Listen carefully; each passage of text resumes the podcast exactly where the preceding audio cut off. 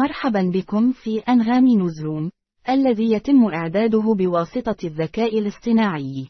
نبدأ اليوم بأبرز الأخبار العالمية، حيث تم الكشف عن أن الرجل فيتروب كان مهاجرا في العصر الحجري قبل أن يلقى مصرعه بطريقة عنيفة.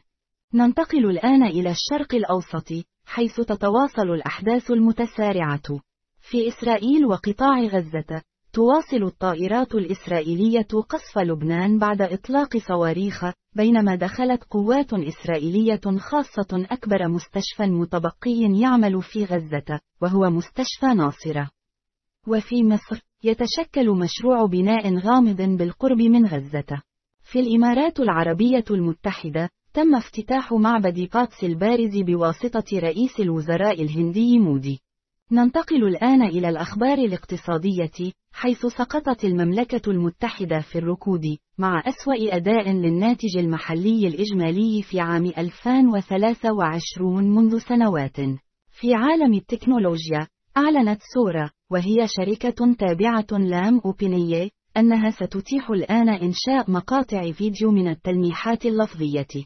وأخيرا، في عالم الترفيه، قالت جوين ستيفاني إنها تحتاج إلى إعادة تعلم أغاني No Doubt قبل الاجتماع المدهش في كوتشيلا.